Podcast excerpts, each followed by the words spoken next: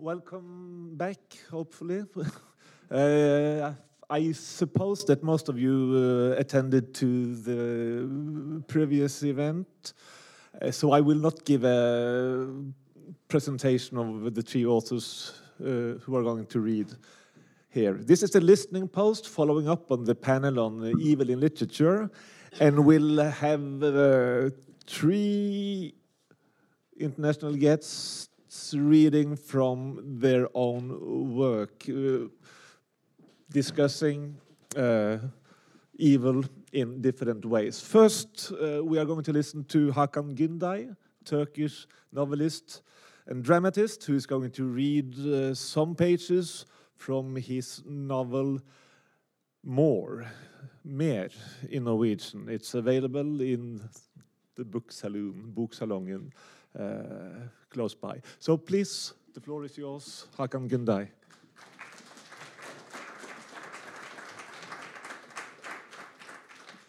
Hello, these are the first five pages of the novel.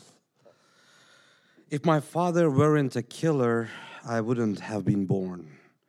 Two years before you were born, there was this boat named Svinköpo. I've never forgotten. Belonged to a son of a bitch by the name of Rahim. Anyhow, we load the goods. There's 40 heads at least, and one of them is sick. You ought to have seen the way he was coughing. He's done for. It's anybody's guess how old he is. Could be 70, could be 80. If my father weren't a killer, I wouldn't have been one either. I even told him, What use are you anyway, running, migrating somewhere? What would it matter if you got where you're going? You want to go through this torture so you can die? Anyway, then Rahim said to me, Come along, we can shoot the breeze on the way back. Back then, I had nothing to do. I hadn't bought the truck yet. If my father weren't a killer, my mother wouldn't have died giving birth to me. Every once in a while, I'd lend a hand smuggling migrants. I get to know the business and also make a bit of cash. I said, All right, fine. So we board. We are out in the open sea. And short while before we make it to Chios, a storm breaks out. The Svinköpo's already a lost cause as it is. We went under before we even knew it. If my father hadn't been a killer, I would never have turned nine and sat down at the table with him. I look around, everyone scattered everywhere, screaming and yelling. These guys are from the desert. What do they know of swimming? You see them once and then they are gone, sinking like stones, all of them just droning. At some point, I saw Rahim, his forehead's covered in blood. He's knocked up his head somewhere on the boat. You should have seen those waves like walls rolling up like they would swallow you. Then I saw that Rahim was gone as well.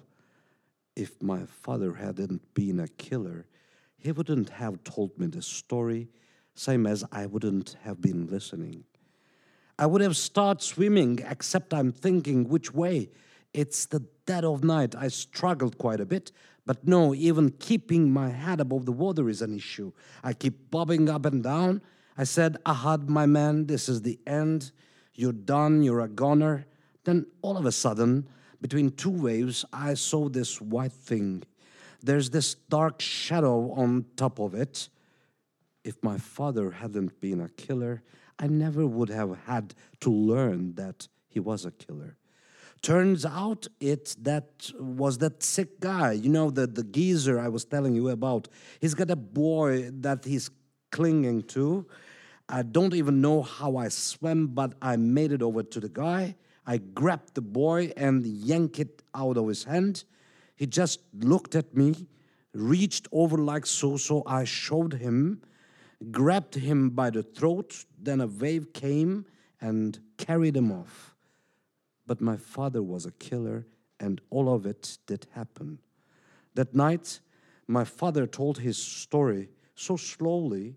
His words dissolved into the air between us like those intermittent silences that slipped from his lips.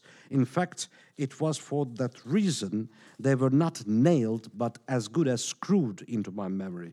Round and around they spun as they lodged into my mind, or into whatever was left of my mind. Now I wonder if my father hadn't been a killer, whether I would have had no father at all. For only a killer could have been a father. To me, the passage of time made this clear. He never talked about his murder again. He didn't need to. How many times do you confess the same sin to the same person? Hearing it once is enough, enough to cause you to slowly rise from the table and lie down in your bed, although your eyes remain open. Why now? I remember thinking that night. Why tell it now? Was he telling it to me or to himself? Maybe that was the only life lesson he was able to pass on to his nine year old son, the only vital information he had, the only true lesson of life survive. I remember too the moral I found in that story don't tell anyone how you survived. No one should talk about where they are from. I remember weeping. No one should talk about the breaths breaths they've stolen from others. I was nine. I couldn't have known that you survived so that you could tell people about how you survived. Then at some point, I remember picturing the moment my father grabbed that old man by the throat and pushed him, thinking that old man must have had an Adam's apple just like my father's. Asking myself, had my father felt that lump in his hand? Had that old man's Adam's apple left a mark in my father's palm? When he struck my cheek, would I catch it too? Next, I remember sleeping and then waking, then the breakfast he had prepared me, and the slap and the command a slice of bread. What did you make out of what I told you yesterday? It was either you who would die or that man two slices of cheese. Good. So tell me, what would you have done? Maybe that boy could help us both. A slap. Eat. Don't stare at me like that. Wipe those eyes. Okay, Dad. An egg. If I wasn't around, you wouldn't be either. Do you understand? Yes, Dad. Three olives. Good. Don't ever forget this. Now tell me, what would you have done? I would have done the same as you, Dad. A sliver of butter. Everything I do in this life, I do for you. Thanks, Dad. A command. Now you know that this business is about survival of the fittest. You're coming with me today. Okay, Dad. It turns out Father had been looking for a novice, one who would belong to him to the flesh, bones, and marrow. It seems he would rather become accomplices with his own son that split his profit with a stranger. You're coming, he said, so I went. That summer, as soon as I got my report card, I became a people smuggler at the age of nine. It wasn't really that much different than being the son of a people smuggler. Now I wonder if maybe he was drunk when he told that story, recounted his way to lucidity, then realized it was too late. Maybe my father simply had a crippled sense of remorse and a mean streak, that was all. Maybe he was that way because of his own father, and he was that way because of his father, and he was that way because of his. And he was that way because of his. Weren't we all children of survivors, after all? Children of the survivors of war, earthquake, famine, massacre, epidemic, invasion, conflict, and disaster. Children of swindlers, thieves, murderers, liars, informers, traders, of those first to leave a sinking ship, who yank boys out of the hands of others, those who knew well enough to stay alive those who would do anything, anything at all to stay alive?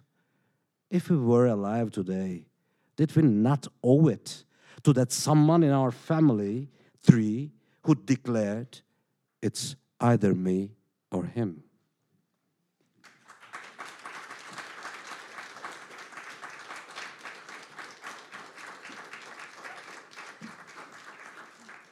Thank you very much, Hakan.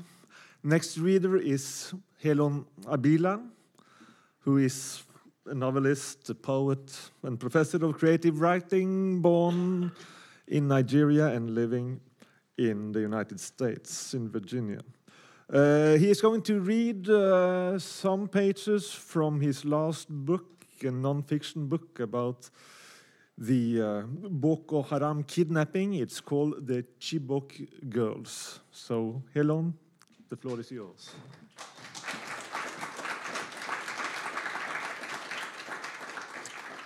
Thanks for the introduction again. Um, so the section I'm going to read is when the narrator, that's me, um, this is a nonfiction book, goes to Chibok to meet the girls. This is his second visit to Chibok. Chibok Market was, as I remembered from two months ago, even some of the faces were recognizable. There was a woman who charged people's phones from her generator for 20 naira per charge.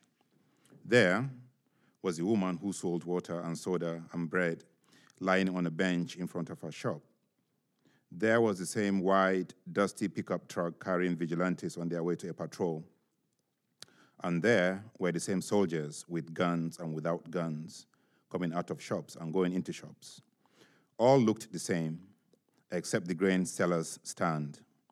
Two days after my last visit, three suicide bombers dressed as women and riding bicycles had stopped at the town's checkpoint, where one of them exploded his bomb, allowing the other two to enter town and attack the market, killing 13 people and destroying the grain stand.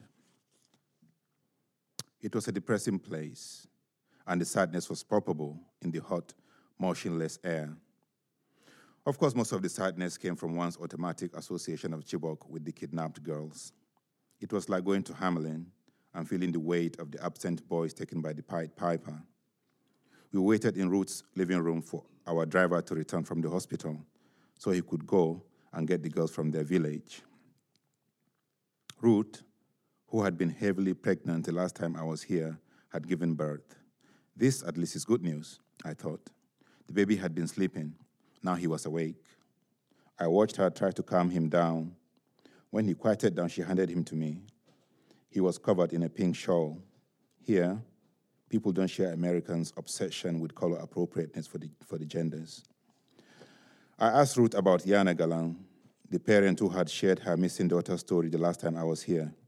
She was fine, Ruth said, but some of the parents were not.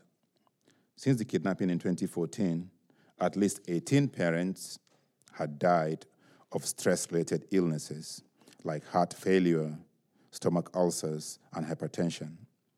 Boko Haram had killed a few others in random attacks. One day, a depressed father had come to her house and told her he simply couldn't continue to live, knowing his daughter was a Boko Haram prisoner in the forest and soon after, his heart gave out and he died. Another father disappeared and couldn't be found for days. He was discovered wandering in the hills, shouting his daughter's name. He said he was sure she was out there and could hear him. He had lost his mind. Ruth said that if you, saw, if you saw some of the parents walking in the village, it was as if there was no blood in their bodies. At last, three of them, three of the girls arrived, dressed in their best wrappers, blouses, and head ties. They leaned their bicycles against the wall and entered the house, one after the other. I watched them kneel to greet Ruth, speaking in the Kibaku language, and then they sat on the floor. It was good to see them face to face, finally. So, I said in Hausa, you are the Chibok girls. The girls, Hawa, Ladi, and Juliana looked at one another, confused. One mumbled something about not being from Chibok. But the world only knows you as the Chibok girls, the ones that escaped, I said. Hawa, Ladi, and Juliana were actually from the nearby village of Mife. They had started school in Chibok three years before the kidnapping, and they all belonged to the same residence hall. They had shared so much together and were still sharing. They sat in a companionable huddle. As they talked, one would occasionally interrupt to add something or correct a particular point. I was speaking Hausa, and whenever I asked something complex, Ruth would step in to translate it into the local language, Kibaku, in which the girls were more fluent. It took a while, but gradually they relaxed. That day, they went to school together from Mife, all three of them on the same motorbike. They arrived at around 8 in the morning and took their exams, which was on geography. Afterward, Ladi wanted to go home. There was a wedding, Ladi remembered. I knew the people getting married, but the security at the gate said I couldn't go. The vice principal was also there. No one was allowed to go out that night. That night, the girls were sleeping out in the yard because of the heat when they heard the gunshots. Some said they should run, others said no. At first, when the Boko Haram men came into their dorms, the girls had thought they were part of the school security because of their military uniforms. Were there soldiers usually guarding the school? Yes, but not that many, about five or so. What did they do when they came? They took away our cell phones. Then they asked, Where are the boys? But we told them the boys were day students. Then they told us to gather in one place. They said they were there to protect us from Boko Haram, who were attacking the town. Then some of them started saying, Allahu Akbar. That was when we realized they were not soldiers, they were Boko Haram. What else did they do? They asked us for the engine block, the brick making machine. We said there wasn't one, and they said they will search, and if they found it, they will shoot us. Next, they asked for the administration office. Then they marched us out of the hostel to the gate. Why did they say they were taking you? Well, they said we were not students, we were just prostitutes. They called us kafire, infidels, and said we ought to be married. They said they would take us somewhere near Maiduguri and dump us there. They're taking some foodstuff and pots and pans from the store. Then they set the school building on fire. They led the girls to a nearby village, Mboa, where cars and trucks were parked. They told us to get in. They were in the very last, they were in the very first truck to leave. There were Boko Haram members sitting with them. Juliana, who at 16 was the youngest of the girls, remembered some of the men were perhaps younger than her. Did they talk to you in the truck? No, they kept calling us infidels, that's all. Did they talk amongst themselves? They spoke Hausa to us, but to each other, they were speaking in a strange language we didn't know. Kanuri, Ruth said. On the way, the men stopped and set on fire the foodstuff and the pots and, fan, uh, and, and pans they had taken from the school store. Why? We don't know. The girls began throwing their shoes and scarves off the truck, hoping to mark a trail that would lead a rescue party to wherever they were being taken, like Hansel and Gretel's white pebbles and breadcrumbs. One girl said we should jump, Ladi said. But that night, the moon was shining bright, and there were Boko Haram on motorbikes right behind the truck.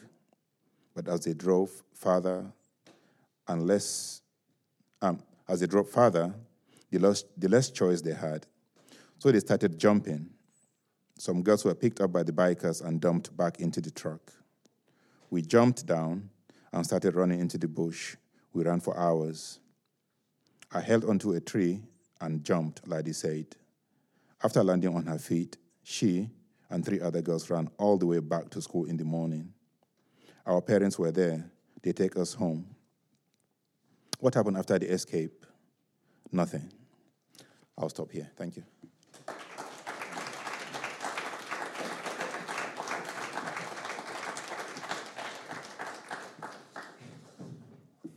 Thank you very much, Helon. Uh, last reader uh, tonight is Juan Gabriel Vasquez. He's from Colombia. He's published uh, numerous novels, two of which have been translated into Norwegian as Lyden av ting som faller, the first one, and the second one, uh, Ruines form, uh, La forma de las ruinas. Juan Gabriel is going to read from the English translation of the last of these two novels. So please welcome Juan Gabriel Vasquez.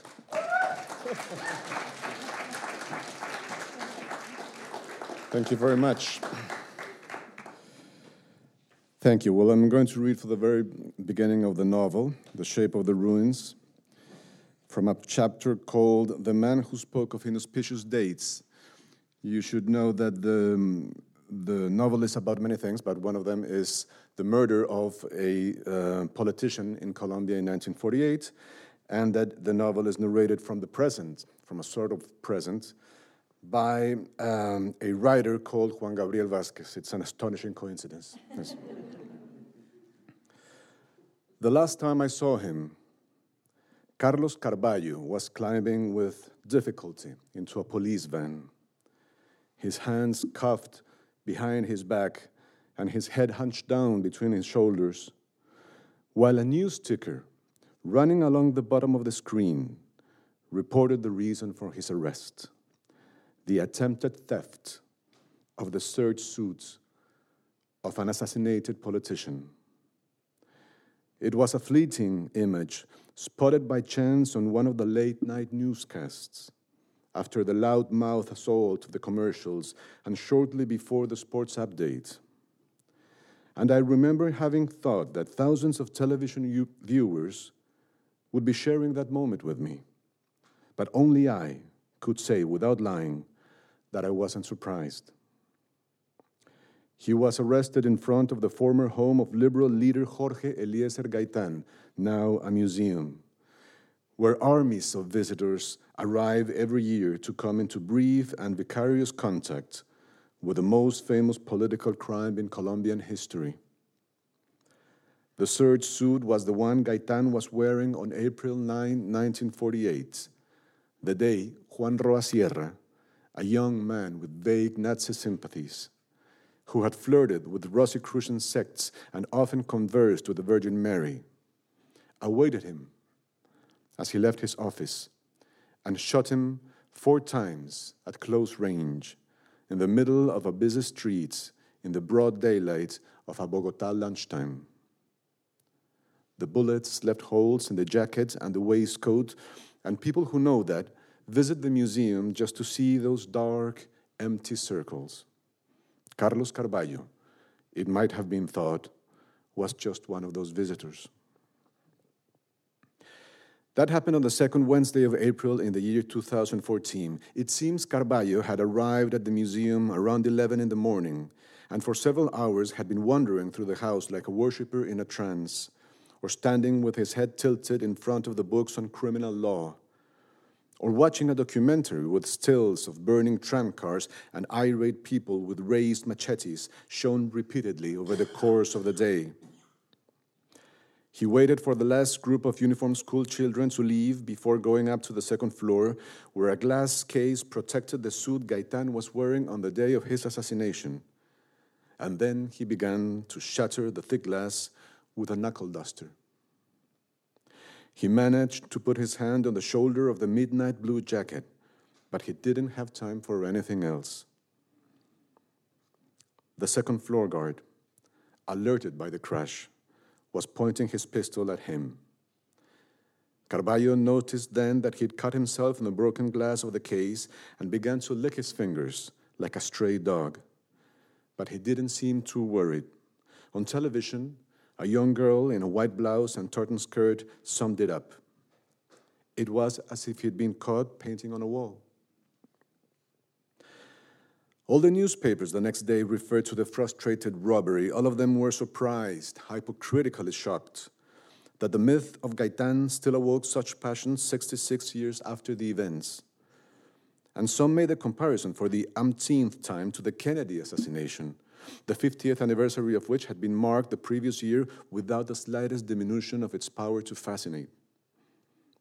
All of them remembered, in case anyone had forgotten, the unforeseen consequences of the assassination, the city set on fire by the populist protests, the snipers stationed on the rooftops firing indiscriminately, and the country at war in the years that followed. The same information was repeated everywhere with more or less subtlety and more or less melodrama, sometimes accompanied by images, including those of the furious crowd which had just lynched the murderer. Dragging his half naked corpse along the cobblestones of Carrera Septima in the direction of the presidential palace. But on no media outlet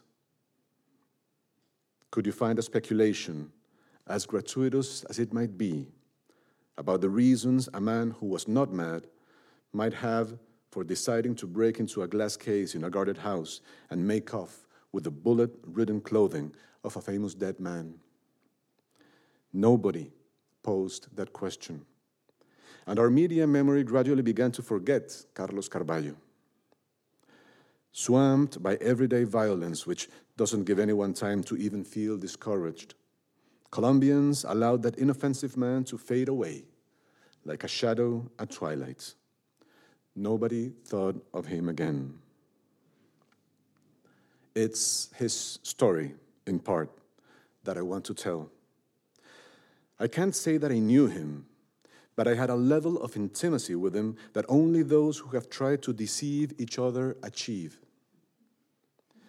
However, to begin this story, I must first speak of the man who introduced us, for what happened to me afterward has meaning only if I first tell of the circumstances in which Francisco Benavides came into my life. Yesterday, walking around the places in central Bogota where some of the events that I'm going to explore in this report happened, trying to make sure once more that nothing has escaped me in its painstaking reconstruction, I found myself wondering aloud how I've come to know these things that I might be better off not knowing.